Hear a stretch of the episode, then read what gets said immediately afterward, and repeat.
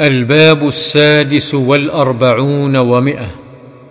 باب استحباب سؤال أهل المريض عن حاله. عن ابن عباس رضي الله عنهما أن علي بن أبي طالب رضي الله عنه خرج من عند رسول الله صلى الله عليه وسلم في وجعه الذي توفي فيه. فقال الناس يا أبا الحسن كيف أصبح رسول الله صلى الله عليه وسلم؟